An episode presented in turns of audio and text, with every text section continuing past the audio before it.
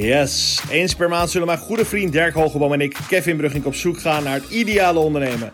We kijken samen naar de grootste drie. De grootste win, de grootste potential en de grootste fuck-up.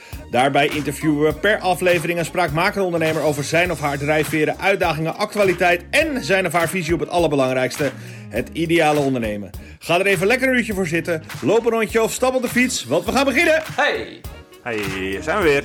zijn we weer. Vijfde aflevering. Ja, niet consistent. Ja, wel, wij wel consistent, maar eh, niet consistent op dezelfde. We proberen elke keer een beetje rond de eerste te doen. Nou, dat gaat voor gemeter, want we hebben het allebei een beetje druk. Maar elke maand, dat redden we wel.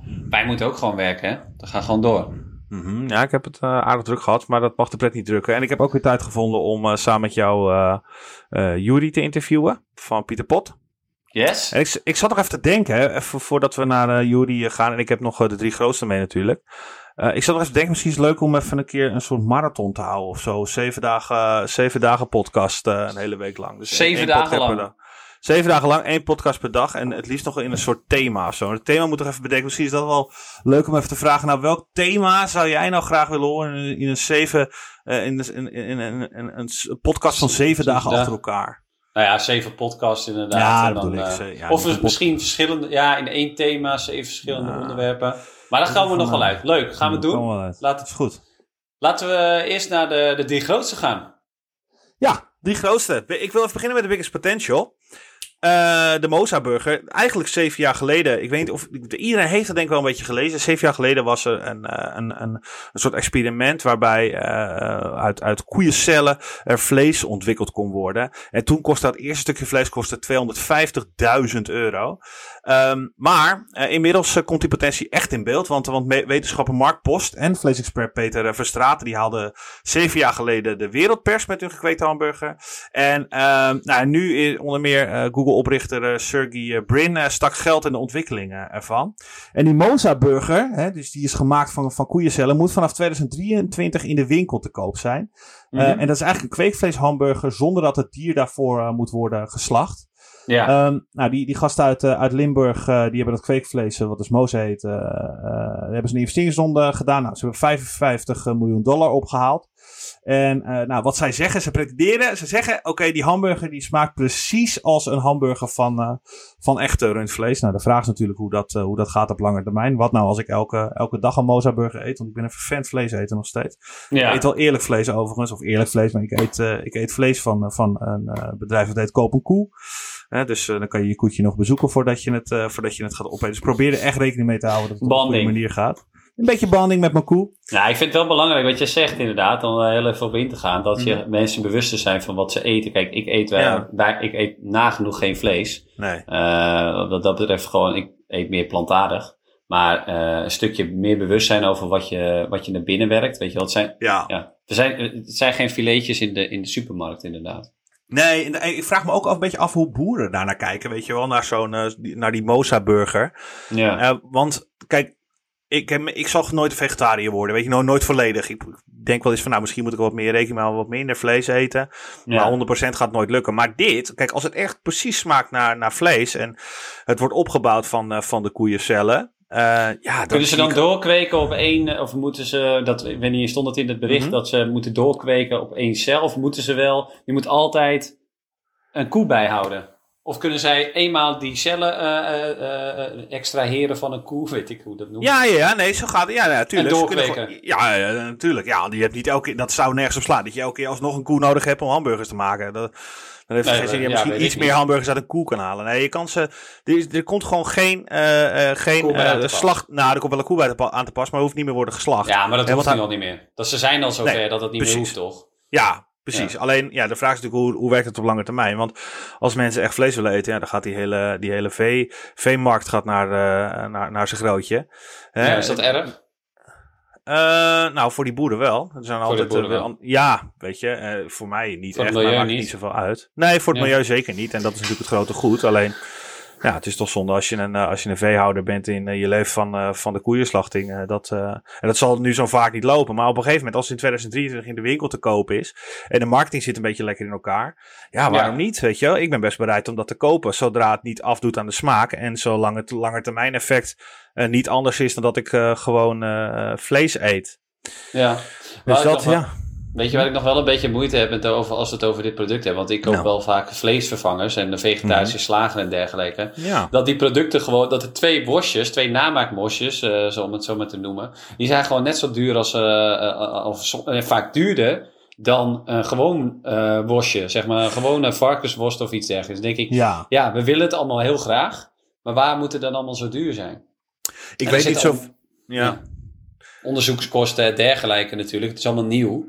Maar je gaat mij niet vertellen dat je van die producten, die in principe veel goedkoper zijn, eh, eh, zo'n hoge prijs moet vragen. Nou, als het product gewoon goed is, hè, en, en het ligt, kijk, als het vanaf 2023 in de winkel ligt, dan zal het een acceptabele prijs worden. En als het product goed is en veel mensen kopen het en ze zien ook, ze, ze proeven ook dat de smaak eh, nagenoeg hetzelfde is, gewoon hetzelfde is, zoals, ja. zoals Mozes zelf Meat. zegt. Je hebt ook die Beyond Meat burgers al, hè? dus ik ben benieuwd Ja. wat, dit- wat dit hier anders aan is. Nou ja, in ieder Ja. geval, dat is plantaardig en dit is op basis van eigenlijk dierlijke cellen. Ja, het is Dat gewoon is een soort kloon natuurlijk. Of nou, ja. Ja. Ja, een soort kloon is het. En, Ja. die, de- en zo ontwikkelt het vlees zich. Dus ja, als, als het dan niet afwijkt eh, tijdens, de, tijdens het groeien van het, eh, van het vlees eh, qua smaak. Ja, dus zie ik niet in waarom dat niet gewoon een gigantische markt kan worden. Ik ben er best bereid om dat te kopen in plaats van een echte koe. Een echte koe zal misschien dan wel een soort van... van, van Huisdier. nee, of een niche, een niche producten. niche Dat, product jij, worden. dat, dat jij naar www.kopenkoe gaat en die koe ineens gewoon in je, in je, in huis achter, achter op een koe naar Deen gaat. Dat lijkt me mooi. dus maar in ieder geval, ik zie daar hier hele grote, eh, hele grote heel veel potentieel in. Potentie. Zeker. En eh, ik ben zeker bereid om dit, eh om dit topper te nemen. Ik brengt me overigens eh, over oude tradities. ehm brengt me naar de Biggest Win. Ook heel oud. En ik heb een raadsel voor je. En jij weet het echt niet. Het raadsel is 4 uur en 44 minuten. 4 uur en 44 minuten. Ja, Eh, een, een, een hele de podcast van Wilde Paarden. Die duurde toch ook vier uur ongeveer? Lijken 4,5 uur te duren. Joe Rogan duurt af en toe heel lang. Maar het is helaas niet goed. Ik geef je nog één poging en dan zal ik het tegen je zeggen. Ehm 4 uur en 44 minuten. Eh, biggest win. Eh, Iemand heeft een record gebroken voor eh, het langst niet drinken van of eten. Nee, Die- nee het, is, eh, het is Sir David Attenborough. hij, Ah. heeft, eh, Hij, ja, hij heeft Instagram eh, aangemaakt. En hij had binnen 4 uur... Vier- en 44 minuten. 4 eh, miljoen, zoveel. Ja, nee, zijn eerste miljoen volgers. Oh ja, ja, ja. Ja, ja nu Ja. heeft hij er al 4 miljoen. Ja. Ja. nu gaat het echt heel hard. Maar hij heeft een record neergezet. En ik vind het al echt een superbaas. Hij is 94 jaar oud. En nou, door de nieuwe serie die op Netflix is verschenen, hebben ze Instagram voor hem aangemaakt. En binnen 44 minuten eh, had hij een miljoen volgers. Nou, het record eh, was in handen van Jennifer Aniston. Die zat op 5 uur en 16 minuten. Eh, die op haar beurt David Beckham versloeg. En David Beckham versloeg de paus. Eh, dus ja, wie is er groter? eh, David, Sir David Attenborough of de paus? Ja, nou, ik laat het aan jullie. Nee, maar, tof. Want, eh, en ook Ja. allemaal met, wel met de missie. Hè? Want ja, zo, die, zo is die man op, met, met, een, met, een, met een missie. Een man met een missie. Ja, Om te zeker. laten ja, ja. zien dat, hoe mooi de natuur is. Maar aan de andere kant natuurlijk ook hoe, hoe erg we de natuur verkloten. In, de, in het verlengde van de, de, Mhm. de, de kweekburger en, de, en het hele milieu. ja, Ja, en hoe we onszelf verkloten overigens. Yes. Nee, maar ben eh, Ja. ik ga hem ook volgen. Ik eh, volg hem al, maar ik, ik heb ook wel heel veel van hem bekeken. En voornamelijk op brakke zondagen vond ik het heerlijk om wat Af en toe wat zeehondjes eh, zien, eh, te zien zwemmen. Ja, die Eh, man en heeft dat- een gouden stem. Ja. Is, e- ja, gouden stem en die beelden daarbij, dat is echt bizar en, en tijdloos. Ik kijk er heel erg graag naar als ik echt niks te doen heb. Of nou, niks dus- te doen heb, niks wil doen. Ik dacht dus altijd dat, eh, dat hij eh, alleen de, de commentarieerde. Maar het is dus echt zijn, zijn ja, bedrijfje of zijn crew hè, die, dat, eh, die, die, die films maakt. David is de man. Yes. Eh, en tot slot heb ik nog een grootste veel. En daar heb ik me echt, echt, echt kapot aan zitten ergeren. Ehm, supermarkten weigeren mensen zonder mondkapje niet. Nou, het thema is er vandaag wel wat, eh, wat supermarkten. Het gaat vandaag even om de grote jongens. Zij zeggen ja, de keuze is aan de klant. En dat is natuurlijk super eh, liberaal. Hè. Het kabinet kwam maandag met een dringend advies in bepaalde gebieden om mondkapjes te dragen tijdens het boodschappen doen. Ja, nou, vandaag is dat de inmiddels. G3. eh, Ja, in, in 3G. de, grote, de grote drie, ja, G3. Eh, in, maar inmiddels is dat alweer opgeschaald naar, naar het landelijk beleid. Vanavond was er een, een, een een, een Bericht, debat. Nee, nee, er was een debat eh, binnen, eh, binnen de Tweede Kamer waarin eh, de minister-president opriep, nou doe het maar gewoon overal, dan is het ook niet zo ingewikkeld. En eh, nou, niet handhaven, dus het is een dringend advies om in openbare ruimte, zowel buiten als binnen, een mondkapje te dragen. Dat is wel, Eh, maar Nederland- wel apart. Eigenlijk, Mhm. dat we, hebben, we hebben maandag die PESCO gehad. En dan nu weer dat debat erachteraan. Zegt het dan, uh, gooi Ja. het dan gelijk in de, in de schaal. Ja, maar kijk, weet je, ik snap het wel. Het is, het is een unieke situatie, weet je wel. En ik, ik, zij doen echt hun best. Ik heb echt het gevoel dat ze hartstikke hun best doen om ervoor te zorgen dat het allemaal, eh, dat het allemaal eh, in, in gereel blijft. Dus ze, zitten gewoon, ze zijn gewoon aan het sturen op die, onder die, eh, die, die R, hè, dus, dus de viraliteit eh, naar, naar beneden te dringen naar 0,9. Eh, om ervoor te zorgen dat er steeds minder mensen besmet raken met, eh, met het coronavirus. En dat, dat gedrag van die supermarkten, daar erger ik me zo ontzettend aan. Hè, Ja. eh, die, die supermarkten laten mensen zonder mondkapje voorlopig gewoon binnen. De keuze is aan de klant. Hè, en HEMA zegt dan, HEMA is dan ook een van de winkels die dat niet doet. Die zegt dan, ja, we gaan geen klant weigeren, want dan krijgen we discussies aan de deur. En nou, ik ben dus even wezen kijken bij een aantal supermarkten. Het is gewoon niet voor elkaar. En Ja. ik, weet je, ze zijn helemaal niet bezig met, eh, met, met de discussies aan de deur. Want dat hadden ze ook niet op het moment dat er politieke meningen zijn over bepaalde producten die ze verkopen. Hè? Want dan halen ze alles in één keer weg en zijn ze heel daadkrachtig. En nu opeens is Ja, het van nee, maar we- verwacht je dat, zeker. Ja, maar we, en nu laten, we het, eh, nu laten we het aan de klant, weet je. En dat heeft gewoon met cash te maken. Terwijl ze hebben hun zak al gigantisch gevuld met die eerste lockdown. En ze zijn gewoon als, als grote spelers, hè, door, door, door met lage prijzen alle, eh, eh, alle kleine supermarktjes en alle kleine RCV-mannen, moet je mij nog eens horen, boomer, maar ieder uit de markt te prijzen. vervolgens de prijzen omhoog stuwen, waardoor je zo'n maats- grote maatschappelijke rol krijgt. Eh, dat je ook gewoon je verantwoordelijkheid moet nemen voor de gezondheid van alle mensen, die duizenden, miljoenen mensen die elke dag in je winkel komen. En dat je gewoon zegt, nee, we laten het wel aan jullie zelf. Ik vind het echt, echt schandalig. Ja. En, en, en dat ze ook bang zijn voor discussie. Dat is gewoon, dat is helemaal niet, eh, eh, helemaal niet van toepassing. Ik zie het gewoon gebeuren. Er zijn gewoon superveel supermarkten waar het gewoon niet geregeld wordt. Overigens, bij Deen supermarkten gaat het prima. Maar bij Albert Heijn eh, gaat het gewoon niet goed. Ik was, ik was ook bij een andere winkel nog, Action. Dat is gewoon een ontzettende grote, ja, gewoon een teringzooi. Moet je gewoon komen. Nou ja, nou ja, nee, maar dat, ik, kijk, dat, dat kan je wel doen. En dan, dan wordt het een soort, een soort van, nee ja, een beter milieu begint dan bij jezelf. Hè, dus zelf niet doen. Maar daar gaat het helemaal niet om. Want mensen komen toch wel. Dus zij hebben gewoon de verantwoordelijkheid om ervoor te zorgen dat dat goed geregeld is. Maar er wordt gewoon geen rekening mee gehouden. En ik zie mensen ook klagen van, waarom staat er niemand buiten? Waarom maakt er niemand die, die, eh, die mandjes eh, eh, schoon? Ik snap wel dat dat allemaal... Dat zijn allemaal, het is allemaal symptoombestrijding. Dat begrijp ik wel als je er heel sec gaat naar gaat kijken. Maar het gaat om die bewustwording, het gevoel dat iedereen er alles aan doet. En nu opeens is het nee, wij zijn niet verantwoordelijk. We laten het allemaal eh, aan, aan de mensen over. Ja, als ze, al, als ze altijd zo liberaal waren, dan hadden ze nooit zo ver gekomen, weet je wel. Omdat ze dan. Eh, ze, ze doen het alleen op het moment dat het hen uitkomt. Op het moment dat hun omzet een beetje eh, in gevaar komt. Zelfs nadat ze hun zakken hebben gevuld. De omzetten hoger waren tijdens eh, de lockdown. En nu wordt er gevraagd om, om maatschappelijk meer betrokken te zijn. En en nu, nu trekken ze hun, keutel terug. Ik, ik heb me echt verschrikkelijk aan gestoord. En vandaar dat ik het de grootste veel vind. Ja, moet gewoon nog. Punt. Maar dat moet van een punt.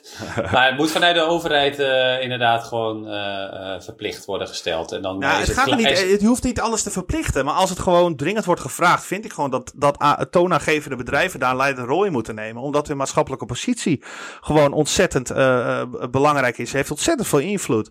Maar Ja. dat, dat wordt helemaal niet. En nu, nu zeggen ze ja, nee, maar wij zijn toch maar een winkeltje. En, en, en nee, dat moeten de mensen zelf weten. Want ja, onze klanten die mogen altijd zelf weten wat ze doen. Oh, Echt je reinste onzin. Echt je reinste onzin. hey, want eh, dan heb ik een oplossing voor jou. eh, over supermarkten gesproken. Jezus. dan bestel jij gewoon je producten bij Pieter Pot. En dan eh, komt dat helemaal goed. Want dan heb jij, hoef jij je mondkapje niet meer op. hey, hebben we die niet net gesproken? Nee. Laten we even gaan luisteren inderdaad naar, eh naar Juri. eh, oprichter van, eh, van Pieter Pot. Eh, die zijn bezig met een missie om de eh, eh, iedereen te- thuis te brengen. Zij eh, bezorgen boodschappen in, eh in wekpotten. Dus eh, laten we horen wat hij te vertellen heeft. Yes. Leuk dat je luistert. Vandaag in Brugge en Hogeboom podcast niemand minder dan de medeoprichter van Pieter Pot, Juri Schoenmaker. Studeerde architectuur en strategic design aan de Unie van Delft. Juri is een echte ondernemer. Zo heeft hij het eerste NK Terugbol ooit georganiseerd, is hij de Nederlands kampioen pitchen, maakt koperen fietsen, won een prijs voor het beste zorgidee en was oprichter van het bedrijf Shakon. Maar Juri heeft een missie. Hij gaat de strijd aan met alle supermarkten door iedereen eco-convenience te bieden. Juri, Heb jij nog wel tijd om te slapen? Jazeker, ik, ik doe mijn best. Ik bedoel, er zitten veel uren in een dag, ook uh, buiten de slaapuurtjes om. En ik doe het natuurlijk allemaal niet tegelijkertijd. Hè, dus uh, veel was volgordelijk in, uh, in wat je opnoemde. Maar ik doe mijn best om een hoop te, hoop te ondernemen. Leuk. Hey, um, we zien even een stukje terug, maar en ook weer een stukje vooruit. Van architectuur en strategic design naar Pieter Pot. Vertel eens, wat is je, wat is je verhaal? Uh, nou, eerst de architectuur gestudeerd, uh, bachelor aan de universiteit inderdaad aan de TU Delft. Gedacht dat ik maar één ding zou worden in mijn leven en dat was architect.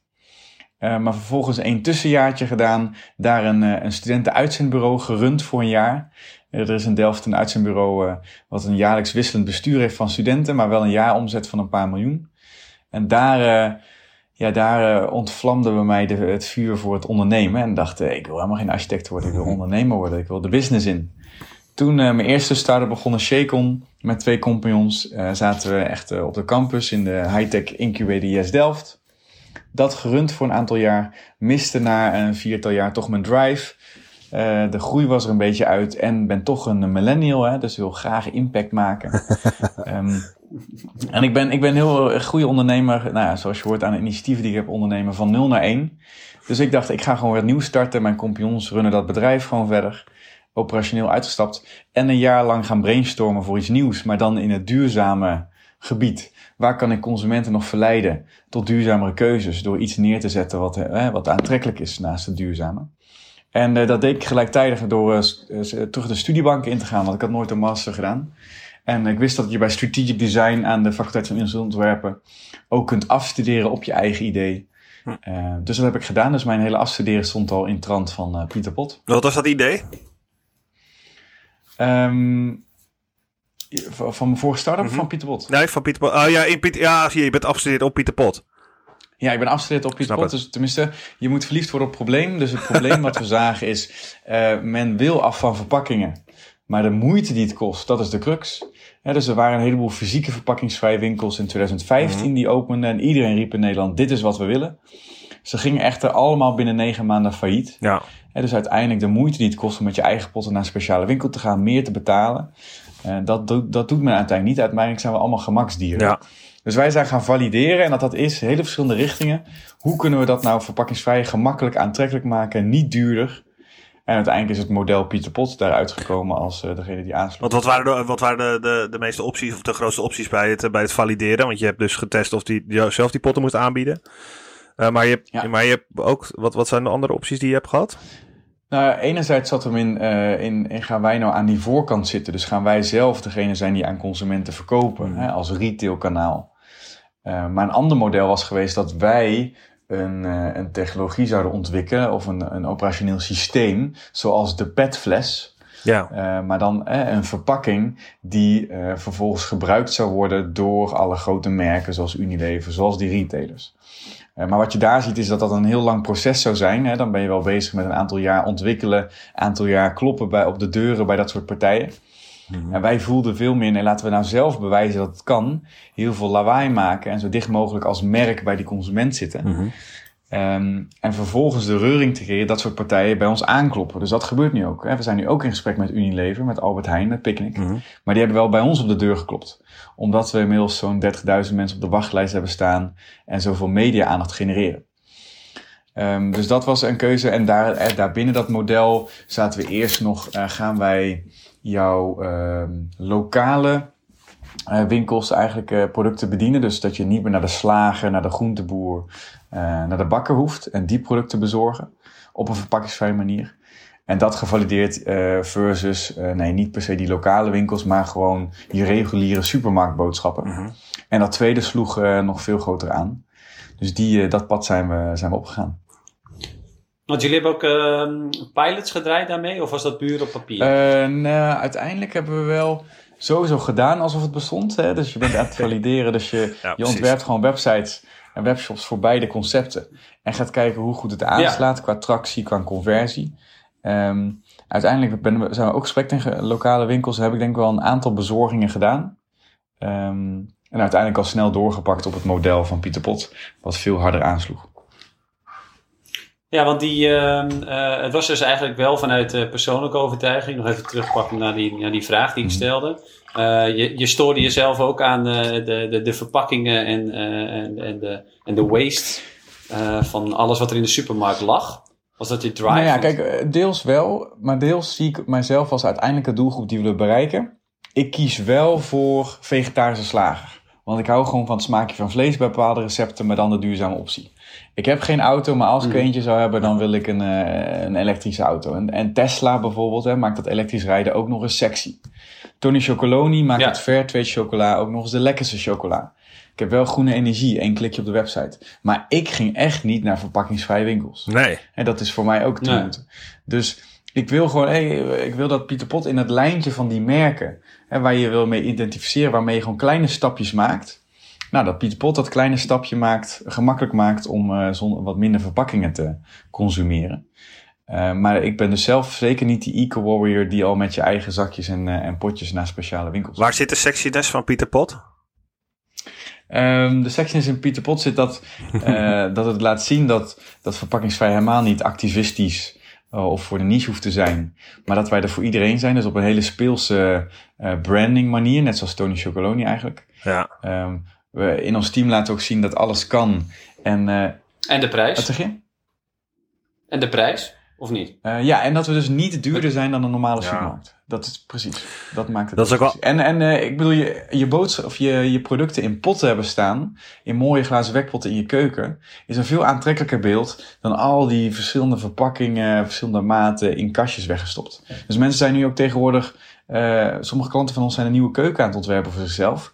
En neem er rekening mee, hey, nu kan mijn keuken een veel openere eh, vorm hebben. Want alles is mooi om te zien, in plaats van weggestopt. En die producten in die potten zijn allemaal, eh, geeft een mooi beeld. Ja, die zijn wel een stuk mooier. Ja, je hebt wel gelijk inderdaad. Ik stoor me ook wel aan die, eh, aan die verpakkingen van inderdaad pak- pakjes en dingetjes. En ze hebben allemaal andere kleuren en het wordt allemaal heel warrig. En daarom staat het gelukkig in, in kastjes. Heb je, heb je bij, bij die producten die in die potten zitten... eh, heb, je daar, heb je daar onderzoek naar gedaan naar wat, wat wordt er veel verkocht bijvoorbeeld in andere supermarkten? Of is het meer iets van nou, wat is makkelijker om te verpakken? Ja, goede vraag. We zijn inderdaad begonnen vanuit het perspectief wat kunnen we gemakkelijk valideren. Dus nou, laten we eh, houdbare goederen nemen. Daar zit, eh, zit weinig problemen met, met houdbaarheid en dus weinig waste. We zijn begonnen vanuit deze kamer in mijn huis, die, die ik geclaimd had als eerste warehouse. En met de haarnetjes en handschoentjes naar binnen zijn gegaan. Potten bij de Ikea gekocht. En eh, vervolgens inderdaad wat eerste bulkzakken, rijst, eh, pasta, noten, ontbijtgranen. Toen een tank olij, eh, zo'n jerrycan olijfolie en daarmee getest. Dus daarmee zijn we begonnen. We, zien, eh, we zagen vervolgens ook, dat zijn ook producten die je op dit moment nog niet zonder verpakkingen kunt krijgen. Dus je verse producten, die kun je als je wil krijgen op de markt. Ja. Ehm, maar de producten die wij Ja. leveren, die kun je niet verpakkingsvrij krijgen. Die kun je alleen dus nu bij Pieter Pot. En nu zijn we ook uitgebreid naar non-food. Dus we hebben ook wasmiddelen, shampoos en dergelijke. Ehm, en we zijn nu Ja. dus op, op, aan het kijken... Oké, gaan wij of de route bewandelen dat we met dit assortiment echt een merk gaan worden? Hè, want wij kopen als het ware zelf bij de producent in. Dus wij hebben als het ware Pieter Pot olijfolie, Pieter Pot fusilli, Pieter Pot koekjes. zijn eigenlijk wel een huismerk supermarkt. Om dat vervolgens als assortiment in bestaande supermarkten te leggen. Hè, dat je nog steeds bij Picnic alles kunt bestellen. En van het merk Pieter Pot en voorraadkastproducten en wasmiddelen die eh, ja, ook retour worden gehaald. Of dat wij zelf gaan uitbreiden richting vers, gekoeld en dergelijke. Maar dat worden hele grote uitdagingen. Ja, want En nu kunnen wij ook zeggen dat wij de enige supermarkt zijn met nul food waste. Maar is dat dan ook wat je nog blijft zeggen dan? Of, of, of is het uiteindelijk je doel om dan wel in de assortimenten of in de, in de rekken of in de schappen te komen te liggen van Albert Heijn en de Deen en de, Mhm. de Picnics? Mhm. Ja. ja, dat laatste, dan word je dus meer een merk. Ja, de vraag is of je dat, Eh. of je dat, of waar je, eh, waar je het, waar je het liever ziet in de, in, in de aankomende toekomst. Ik denk dat laatste, omdat we daarmee een veel grotere groep consumenten kunnen bereiken. Mhm. En, en onze missie is verpakkingsvrij een standaard optie maken voor iedereen. Ja, En er zal, eh ja, we hebben nu een enorme wachtlijst van, eh van 23.000 mensen. Maar, en die zal nog flink groeien. Eh, maar er zal een maximum aantal consumenten zijn dat het waard vindt om op pieterpot.nl te bestellen. En nog naar de Albert Heijn te gaan. ja. En ik denk dat we een veel grotere groep kunnen bereiken die eh, gewoon op één plek zijn boodschap wil doen. Maar dan wel kan kiezen heel makkelijk voor een aantal producten van het merk Pieterpot. Die automatisch zorgt dat het wordt opgehaald en dus verpakkings. Ja, het werkt als bier. Hey, maar blij- ja. Ja, Zet statiegat op. hey, maar blijft die, ehm, dan worden jullie dus, eh, natuurlijk een eh, distributeur eigenlijk. Jullie gaan aanleveren. Ehm, heb je dan nog steeds niet de, de, de, de hoe zeg je dat? De, de, de challenges eh, voor het verpakken van bijvoorbeeld vers en, eh, nou ja, zeg maar, ik heb je een paar keer vlees horen noemen. Nou, Eh, dat blijft, denk vle- ik. Dat gaat niet in de pot zitten. vle- vlees heb ik niet genoemd. Vlees gaan we ook nooit doen. Ik denk dat dat en, en onmogelijk wordt qua hygiëne. En vlees natuurlijk ook zeer onduurzaam product is. Ehm, maar Ja. ik denk dus juist als wij het merk worden, dan hoef je dus niet alle producten te doen. Dus Unilever, we zouden een soort van Unilever worden. Hè, die heeft ook bepaalde producten eh, met bepaalde merken. Nou, wij hebben dan een soort van één merk. Dus eh, als het ware dat Unilever eh, op al zijn producten het merk Unilever zou hebben. In plaats van eh, voor de een Calvé, voor de ander Dolf, voor de andere Knor. Ja. Eh, maar je dus, eh, ja, dus niet per se naar alle cat- productcategorieën hoeft. Terwijl juist als we het pad op gaan dat we echt een volledige online supermarkt zouden willen worden, dan moeten we juist Moet naar die breder. categorieën. En dat wordt, eh, dat wordt heel lastig. ja maar over... En Dirk. Ja, nee, ik wilde, eh, ik wilde zeggen van, eh, eh, mijn vraag was nog, verpakkingsloze boodschappen voor iedereen, dat is jullie missie. Is dat haalbaar? Dat is, wij zijn natuurlijk hè, ambitieuze en, en soms optimistische en visionairs als, als ondernemers. Ehm, dus ja, ik geloof dat dat zeker mogelijk is, maar ik geloof dat de, de uitdaging dus eh, aan de ondernemerskant zit om het daadwerkelijk zo aantrekkelijk te maken. Dus we kunnen wel eindelijk zeggen, mensen moeten betere keuzes maken. Maar wij moeten ervoor zorgen dat verpakkingsvrij zo leuk is, zo makkelijk, zo goedkoop dat het, eh, dat het een leukere optie is dan niet verpakkingsvrij. En net zoals dat, dat ik vind dat eh, Tony Chocoloni maakt het in, eh, in- inmiddels lekkerder om voor die chocolade te kiezen. En het is dan ook nog eens slaafvrij. Ja, precies. Ik, ik zit me ook te bedenken van, zit daar, zit daar niet voor de grote slag een soort van overheidslobby in, weet je wel? Het, is, het heeft best wel een voordeel eh, ten opzichte van al die plastic verpakkingen en al die kartonnen verpakkingen die erheen ge, gerouwd worden. Bij mij zitten de vuilniszakken ook vol. Ik ben niet zo duurzaam als jij, Juri. Ik doe mijn best, maar het gaat bij mij in kleine stapjes. Maar ik denk dat als je het hebt over iedereen, dat dan de slag hem voornamelijk zit en dat je mensen eh, over het algemeen echt een soort nog extra incentive moet geven. Vooral financiële incentive om dat daadwerkelijk te gaan gebruiken. Ja, nee, dat is zeker interessant. Kijk, als uiteindelijk eh, wat, eh, de, de moorden nu stappen gemaakt, dat er straks eh, ook statiegeld gaat zitten op plastic flesjes. Ja. Ehm, dat uiteindelijk ook die plastic rietjes verboden zijn. Nou, als er uiteindelijk een, een wet zou komen dat merken verantwoordelijk worden voor hun verpakkingen. Eh, nou, dat, dan zijn wij natuurlijk binnen, want dan hebben wij, wij hebben dit systeem nu in place. We zijn overigens ook met merken Ja. in gesprek. hè, Dus Uni- Unilever wil ook haar producten juist in onze potten krijgen. Ehm, maar wat, wat nog even misschien een goede nuance is, Maar dit is, toch- dat is toch... Oh, sorry, ga verder. Dan Ja, vertel ik hem zo. Dat, dat zeg maar verpakkingsvrij voor iedereen betekent niet dat iedereen het misschien daadwerkelijk zal doen of continu zal doen. Maar het, de missie is over 10, over 10 of 15 jaar dat niemand meer kan zeggen: nee, verpakkingsvrij, dat kan echt niet voor mij, want dat is te duur of te veel moeite. Hè, maar dat, er- ja, nee, het is Ja. op zich een optie, maar ik ben toevallig niet fan van, eh, van dat product of dat merk. Ja. Maar het is, het, het is een overweging. Ja, hey, en want je gaf aan, dat vind ik wel interessant. Unilever wil jullie producten in jullie potten hebben zitten. Het zijn toch niet, eh, het zijn toch gewoon potten? Ik eh, downplay het even. Eh, ja, maar het is het circulaire systeem. Dus eh, wat daarbij komt kijken is A, het afvullen van die potten. Eh, maar vooral B, het terugbrengen van die potten en het potten schoonmaken op een dermate hygiëneniveau. Dus dat is een certificering FSCC 20100. Waarop er opnieuw eh, die potten opnieuw gevuld kunnen worden met voedselproducten. En er is geen partij in de wereld die dat kan. Dus wij zijn de eerste facilitator, als het ware, Mhm. in dat circulaire systeem. En dus of Unilever zou een paar jaar moeten innoveren op een eigen nieuwe verpakking voor een eigen nieuwe productlijn. Of ze ja, een veel snellere manier eigenlijk om het met ons te valideren is. Goh, we leveren bulkproducten bij Pieter Pot aan. Eh, en zij zorgen voor het aanbieden, het brengen bij de consumenten en het weer terugnemen van die verpakking en het weer schoonmaken en opnieuw gebruiken. En dat circulaire systeem zijn wij de eerste in, als het ware, die dat faciliteren. Heb je patent daarop of, eh, of is dat iets wat jullie gewoon als enige kunnen? Ehm, we zijn daarmee bezig om te kijken of dat patenteerbaar Ja. is. Tot nu toe eh, gaat het om dat wij de first mover zijn en zo snel mogelijk eh, ja, moeten groeien. Ja. Of verraad ik nu Want iets? Want het is, het, ja, nee, want het is natuurlijk niet zo dat Unilever dit niet kan. Het is alleen dat jullie inderdaad Ja. de first mover Ja. zijn, waardoor het voor hen eh, in eerste instantie eh, eh, ook een mooie pilot zal zijn om het te doen.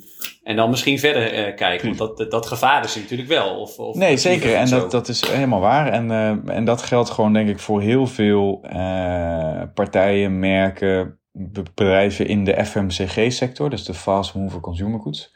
Kijk, vegetarische slager was ook in theorie te kopiëren door Unilever. Maar wat, hè, wat Ja. er is gedaan, dat merk heeft een zo sterk merk neergezet en zulke kwalitatieve producten, dat uiteindelijk voor Unilever interessant is om hen over te nemen, hè, dus met hen te werken, dan het zelf te gaan proberen. Ja, Nou, zo proberen wij ook, als wij zorgen dat Pieter Pot zo sterk, zo goed staat.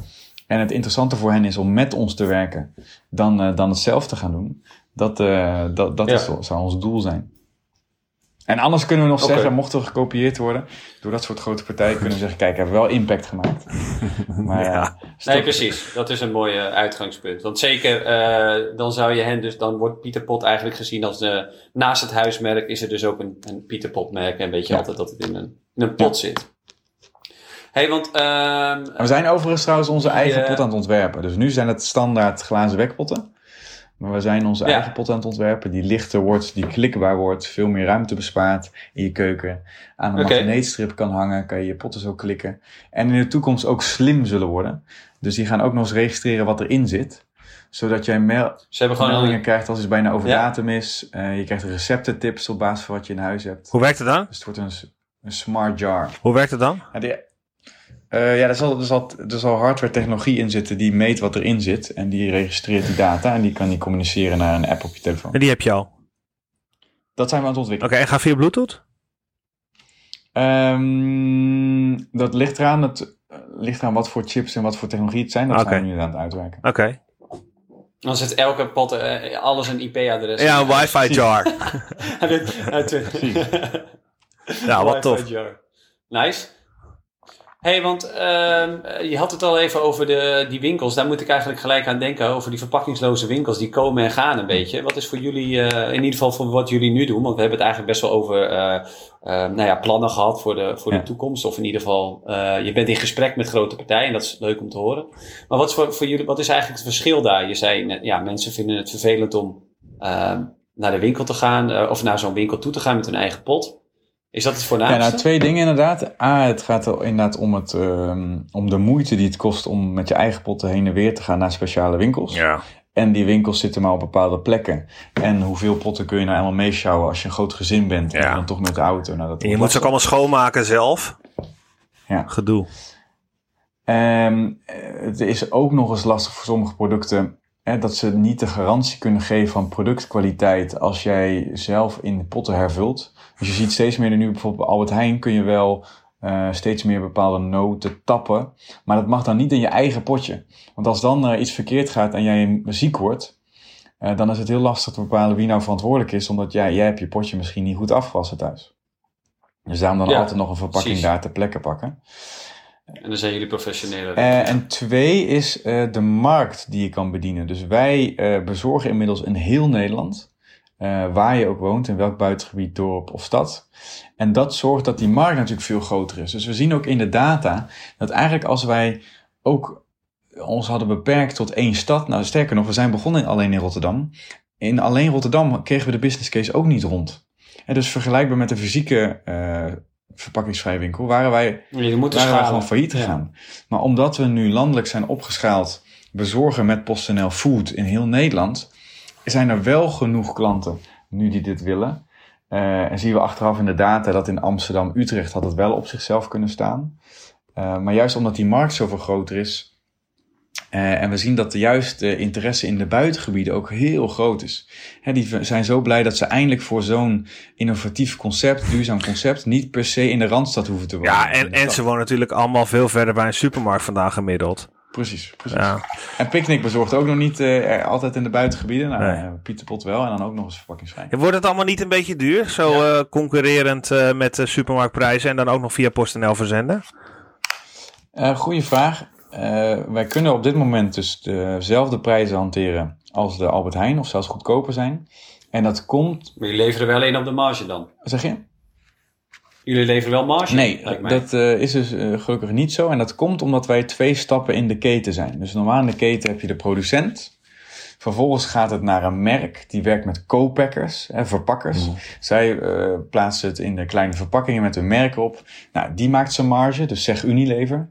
En vervolgens wordt het geleverd aan de retailer, zeg Albert Heijn Picnic. En die maakt zijn marge. Nou zijn wij twee stappen. Wij zijn en het merk, wij zijn Pieter Pot het merk en zijn zelf de verpakker, de co-packer. Maken onze marge. En vervolgens leveren we het aan onszelf, als het ware. En zijn we zelf ook de online retailer. En verkopen we het aan de consument. Dus wij maken die twee stappen, die beide marges.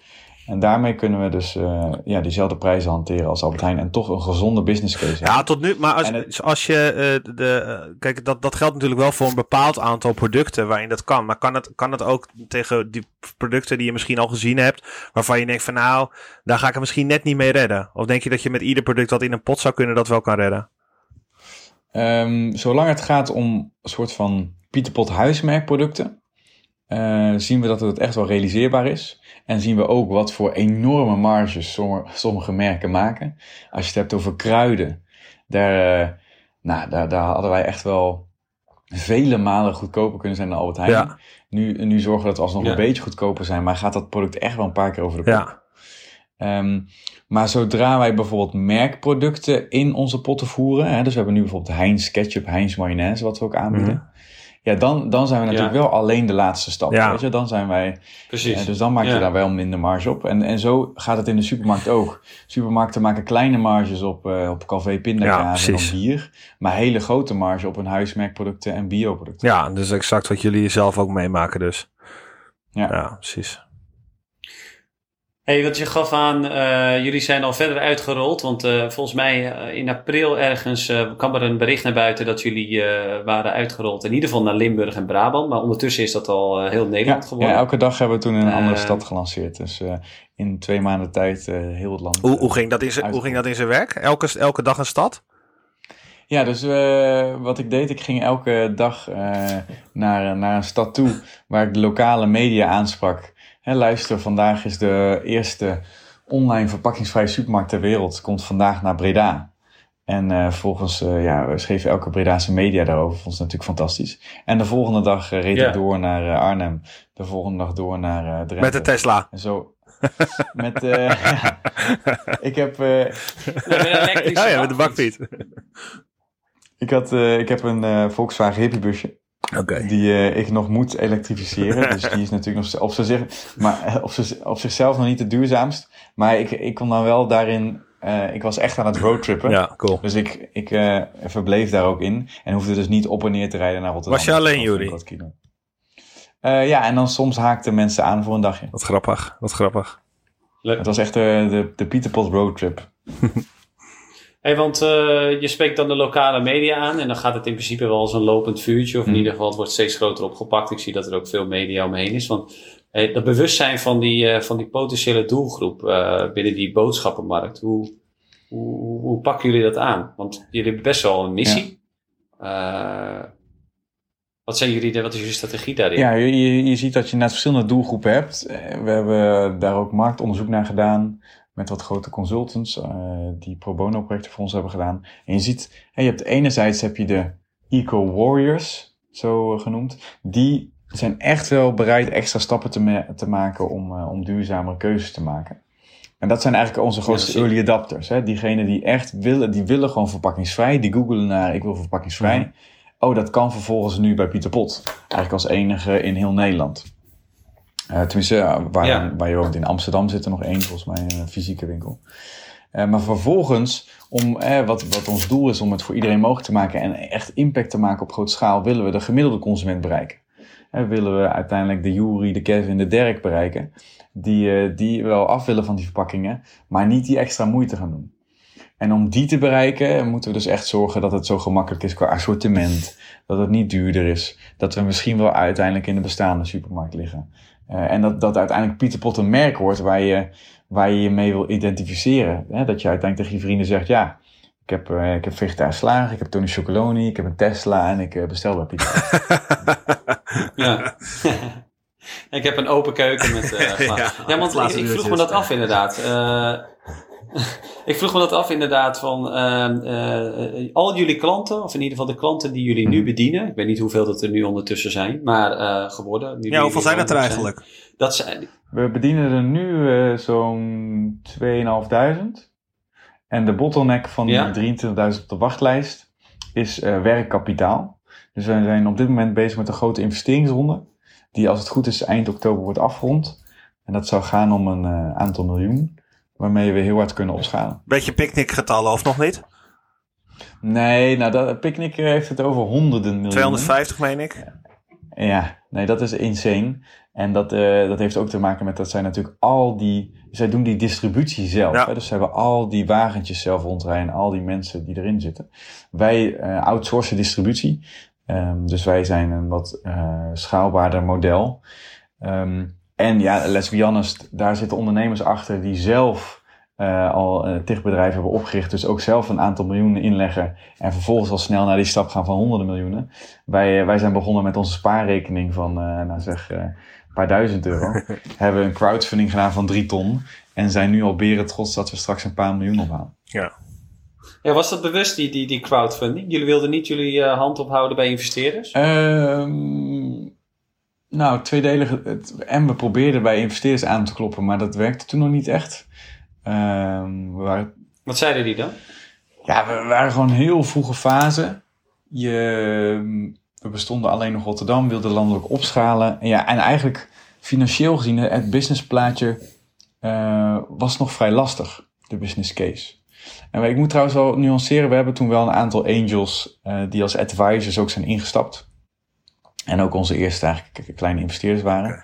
Maar wilden we echt wat groter op geld ophalen, dus een paar ton. Uh, ja, ik ging wel snel kijken naar crowdfunding. Ook omdat we uiteindelijk zo'n aantrekkelijk propositie zijn voor consumenten. En, en het echt leeft, dat, verpak, eh, dat, dat iedereen zich ergert aan dat plastic. Wat kreeg de crowd ervoor terug?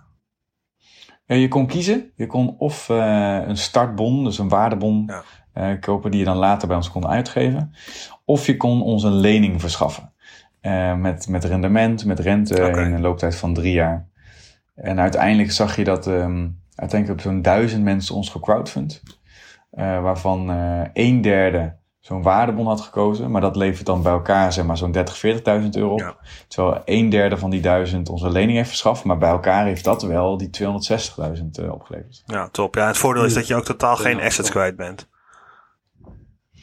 Uh, nee, het is wel gewoon een lening die je natuurlijk terug moet betalen. Dus het, hè, het weegt wel als schuld op je balans. En we willen ook, hè, ik bedoel, er is maar één ding wat we willen. En dat is gewoon die mensen terugbetalen. Ja. Binnen vier jaar, zag ik. Klopt dat? de crowdfunding betalen we binnen drie jaar of binnen vier jaar. Oh, eerste eerste ah, jaar ja. aflosvrij en daarna in drie jaar. Maar inderdaad, als je het hebt over equity, uh, dat zijn we nog niet kwijt. Uh, dat zullen we met deze investeringsronde wel uitgeven aan die ja. investeerders. Begrijpelijk. Ja. Hey, en die, ehm, want we hadden het inderdaad over het aantal klanten. En ik wilde nog vragen van hoeveel van die, die klanten, die zijn dus repetitieve orders plaatsen die? Of is het uh, plaatsen ze allemaal ja, één keer in de week of één keer in de maand, een keer voor de ja. leuk? Goeie vraag. Hè? Daar, daar gaat bij ons een business om. Het gaat om die retentie. Hè? Dus hoeveel ja. klanten die uh, A op de wachtlijst staan, gaan daadwerkelijk bestellen. B, hoeveel van die ene keer bestellen, gaan een tweede keer bestellen. En welke blijven echt hangen. En, en daar zie je dat, dat ja. Picnic ook doet, zij richten op de, de vijfde order. Want als iemand vijf keer een bestelling heeft geplaatst, dan zit hij wel in het ritme en blijft die hangen. Dus dat, dat zijn ook de, eh, de dingen waar wij ons op richten. En ja, we zien daar zeker dat de, de, de retentie zeker niet 100% is. Nee. Dus er is gewoon een churn. Nee. Um, en die proberen we steeds te verhogen met klantinzichten, wat we beter moeten doen aan onze service, uh, wat we beter aan ons assortiment kunnen doen, hè, hoe die ontwikkeling van onze pot, dat we een betere, betere verpakking kunnen ontwikkelen. Zo proberen we dat te verbeteren. Uh, dus je moet nu denken aan dat um, ja, zo rond de helft uiteindelijk blijft hangen. Oké, okay, 50%, dat is, dat is ja. niet gek. Nee. En je zit er wat dat, je zit wat dat betreft ook tussen, eh, tussen modellen in. Je hebt subscription models. Als, als iemand echt een abonnement ergens heeft, nou, dan zit de retentie vaak wat hoger. Mhm. Eh, versus Ja. een, een webshop, zoals een kledingwebshop, dan is onze retentie eigenlijk weer vrij hoog. Eh, omdat mensen wel, ja. Ja. En het, die pot, eh, die, de pot zelf is natuurlijk ook een soort van lock-in systeem. Want heb je die potten eenmaal thuis, dan voelt het ook extra pijnlijk als je dan toch weer plastic, eh, plastic koopt.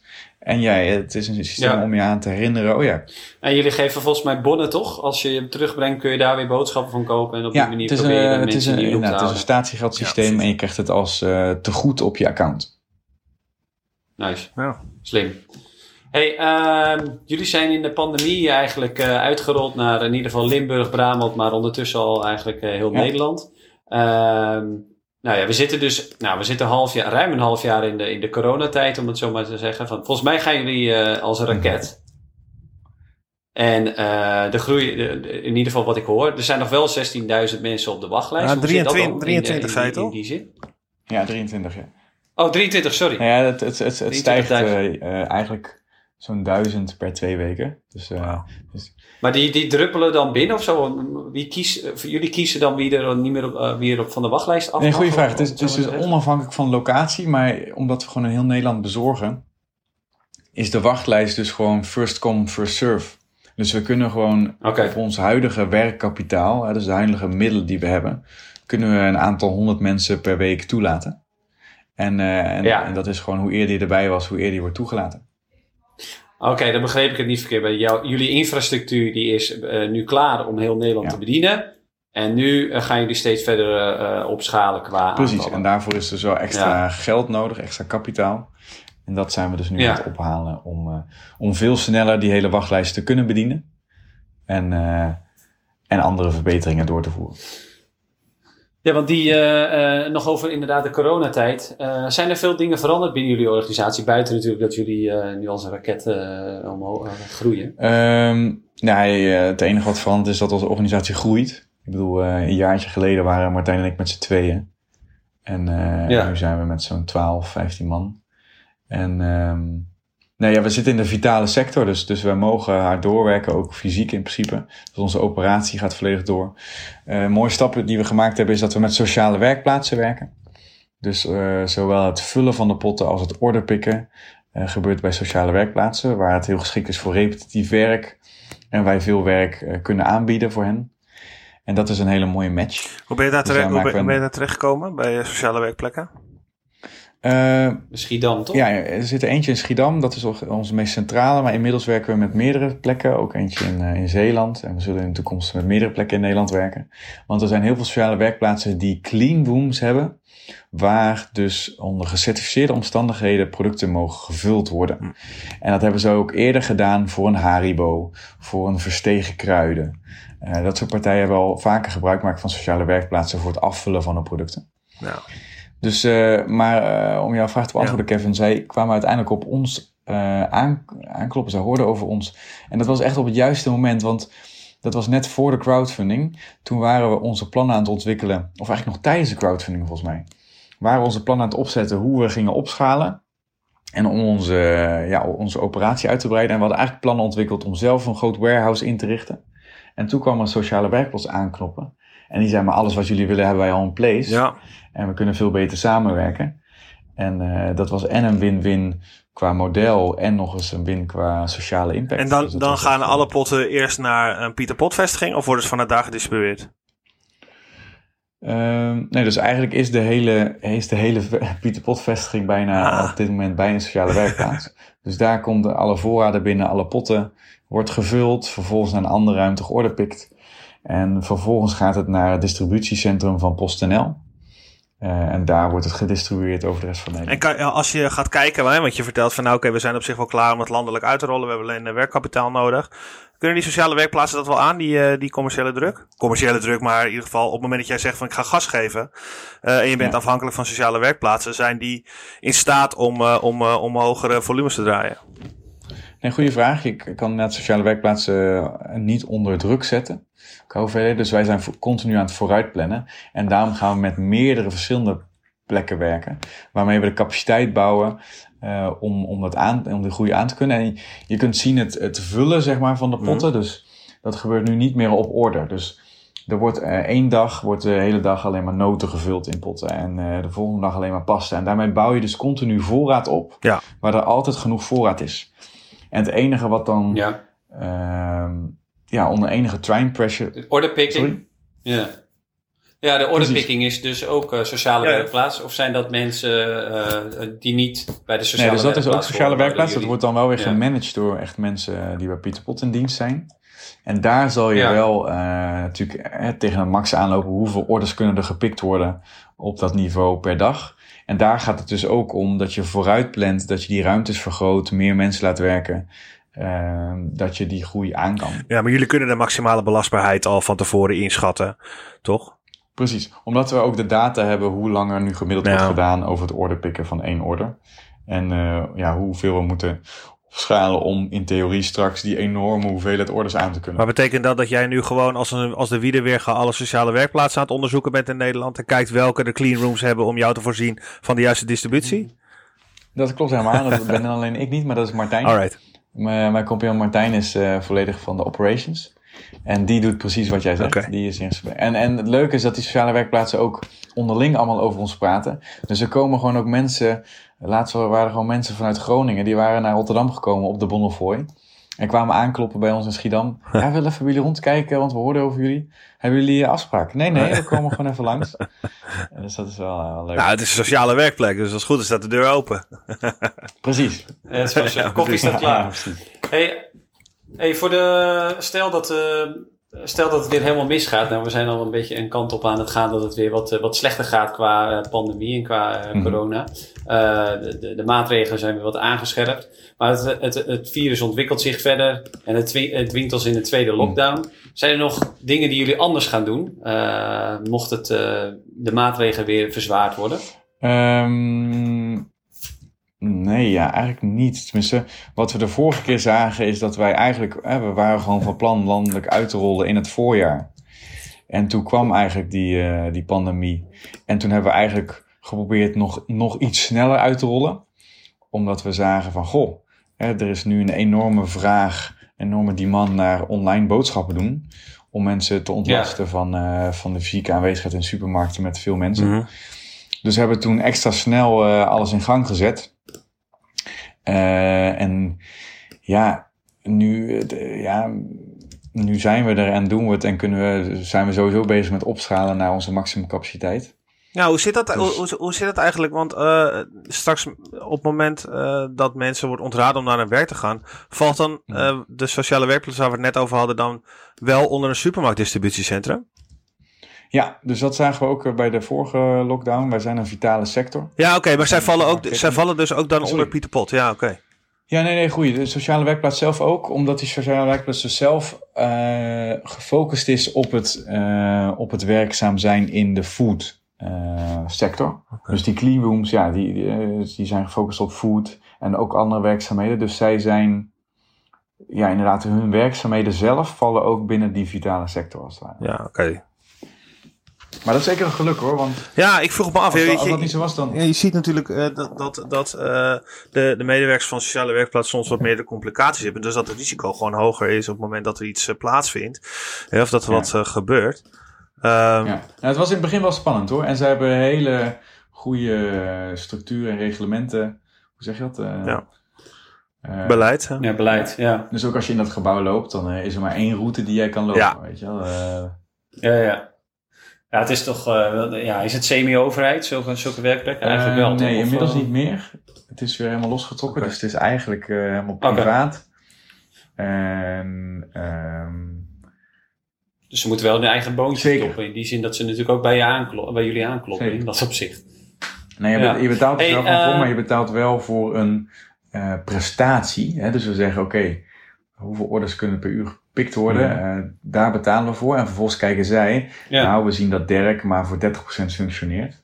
En eh, Kevin Ja. 20 en Jury dan 50. En die bij elkaar plaatsen we en die, die halen dat aantal. Ja.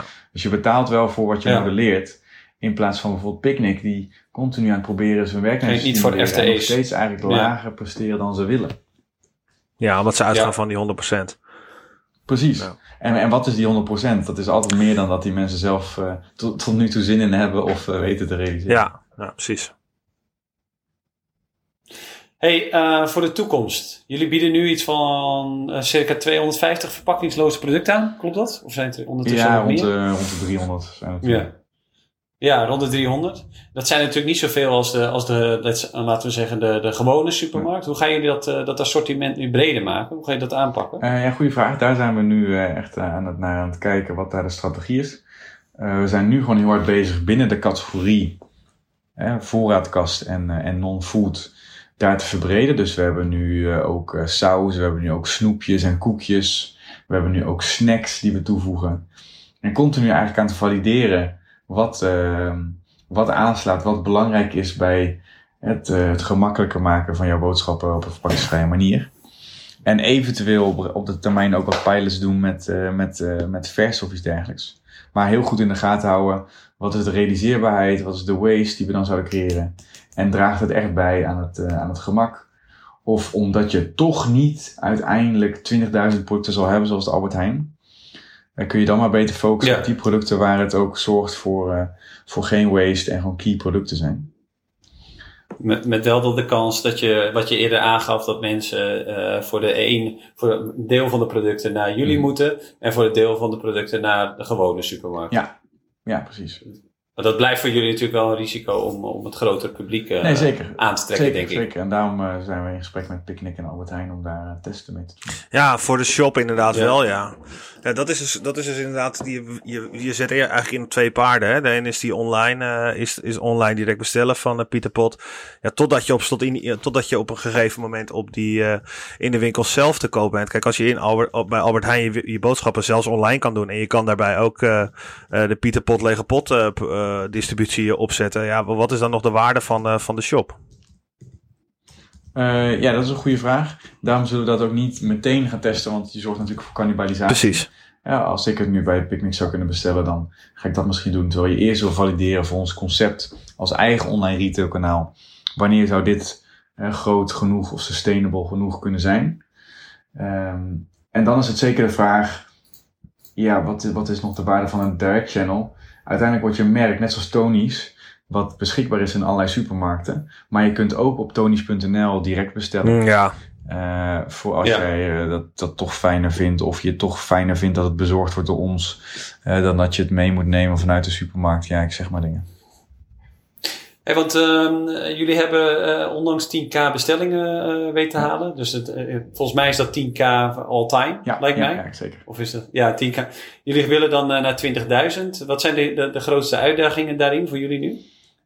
Zijn het? Ehm, nou, de- ja, hoe snel we dat kunnen bereiken. Ik bedoel, we kunnen op dit tempo doorgaan. Maar hopelijk halen we Ja. de investering binnen eind oktober. En dan, eh, dan zijn we zo aan die 20.000 dat we gewoon eh, die enorme weglijst gaan toelaten. Eh, Ja. Dat is de, eigenlijk het enige is jullie het toelaten van die wachtlijst Ja. om elkaar door te groeien. Precies, en dan wel zorgen dat we dat, dat die service continu geoptimaliseerd wordt. Want we hebben nu nog een soort van gaten in ons mandje. hè. Ik bedoel, er zijn nog gewoon ervaringen eh, wat mensen toch niet fijn vinden, dat het assortiment te klein is, dat die pot te veel ruimte inneemt. Nou, dat soort dingen moeten verbeterd Ja. worden voordat je echt gaat zorgen dat die retentie nog veel groter wordt. Tof. Hey, en Juri, eh, eigenlijk de handvraag van deze podcast, voor buiten alle andere vragen, eh, iets waar we eigenlijk naar op zoek zijn. Wat is voor jou het, eh, het ideale ondernemen? Ehm, nou, ik, ik, ik ben inmiddels best wel wat vergelijkingsmateriaal, omdat mijn vorige start-up eh, was B2B. Hè, dus daar leverden wij uiteindelijk een dienst aan bedrijven. En ehm, ik, ik merk toch wel dat ik hier veel meer op mijn plek ben. Omdat het voor mij gaat het ideale ondernemen eh, in het continu valideren van je propositie. En dat kan met consumenten gewoon wat gemakkelijker. We, we doen continu experimenten. We zijn dan continu aan het kijken hoe onze service te verbeteren. Bij B2B doe je dat ook, maar dat zit toch op wat langere termijn. Je hebt uiteindelijk een aantal klanten in plaats van zoals nu duizenden. En Ja. wat ik zelf persoonlijk leuk vind, is dat het echt gaat om branding, om marketing en de waarde van PR. Want dat deed ik ook bij de voorstarter. Maar uiteindelijk was het minder waarde als ik daar op tv kwam of in de krant stond. Mhm. Omdat die doelgroep veel niche Ja. was. En nu gaat het, er, Ja. nu gaat het echt om dat wij in Pieter Pot een bekend merk willen worden. Dus de waarde die ik weet te creëren in de, in de, in de PR door overal te staan. Eh, en, de, en, de, en de marketing heeft heel veel waarde. En dat vind ik zelf gewoon heel leuk. Ehm, Ja, als eh, beste pitcher van Nederland. Precies, ik bedoel, ik vind het allemaal leuk om mensen te, te kunnen intrigeren. Of, of, maar pitch is ook een middel tot, ik zie het altijd als, eh, als, als start van een dialoog. Het is een middel om te, om te checken wat mensen daadwerkelijk willen en of ze geïnteresseerd zijn in je propositie.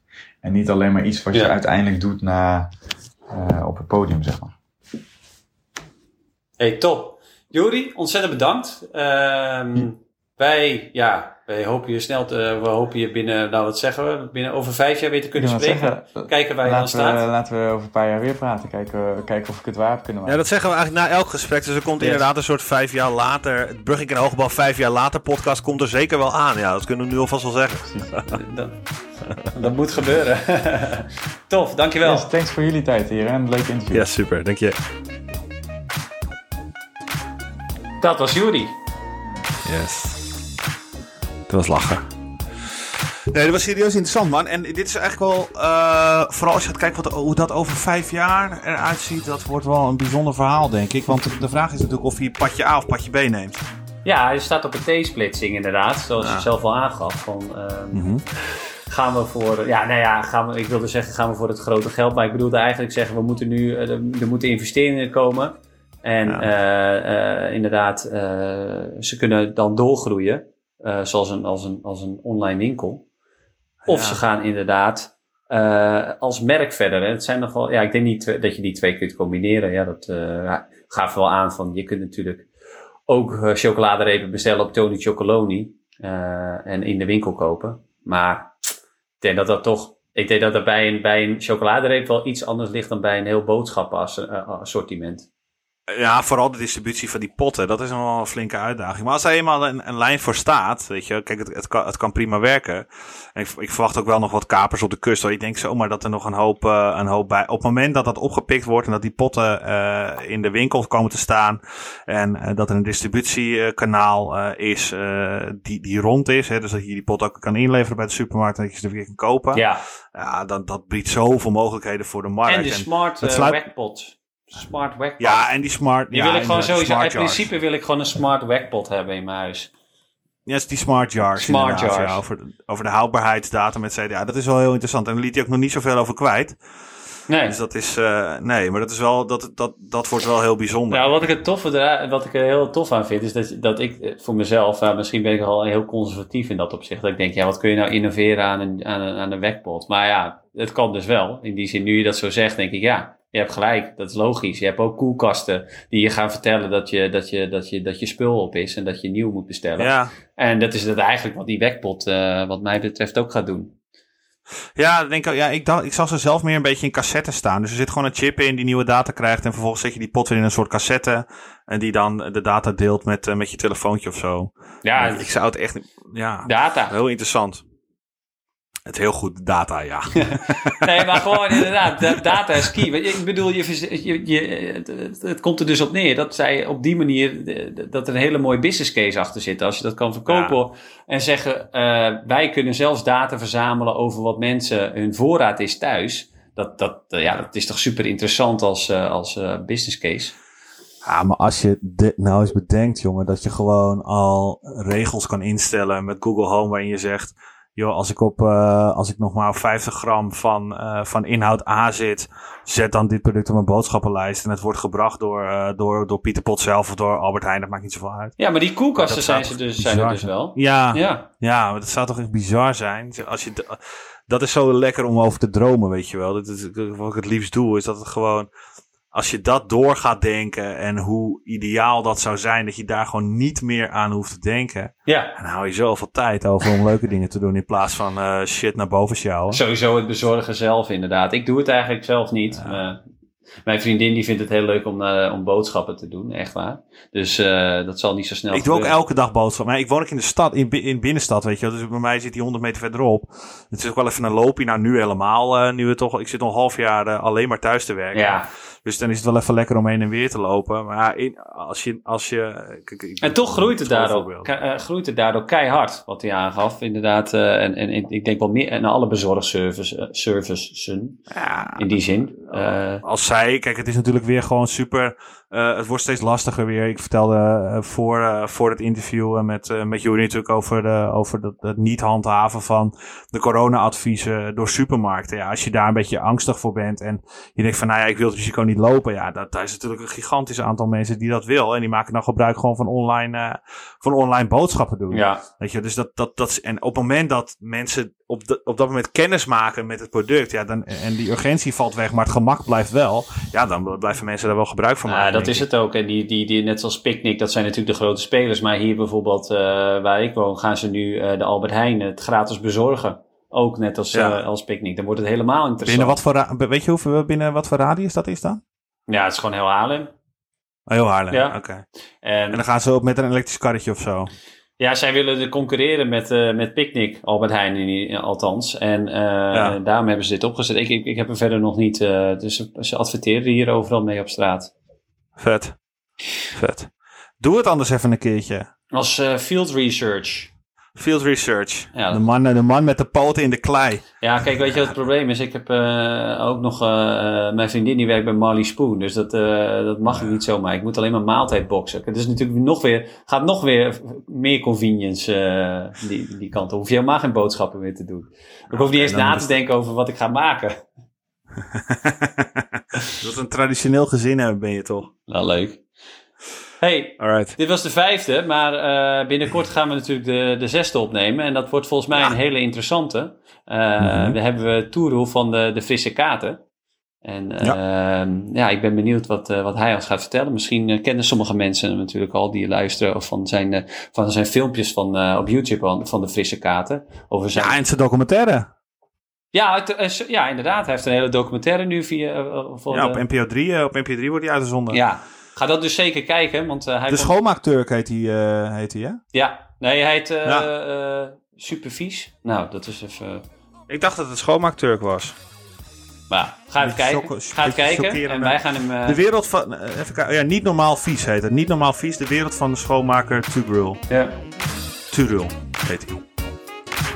Bijzonder interessant. zeker. Dus dat eh, hebben we volgende podcast. Nice. Kijk ernaar uit. Ik ook. Spreek je later. Hoi hoi. Hoi.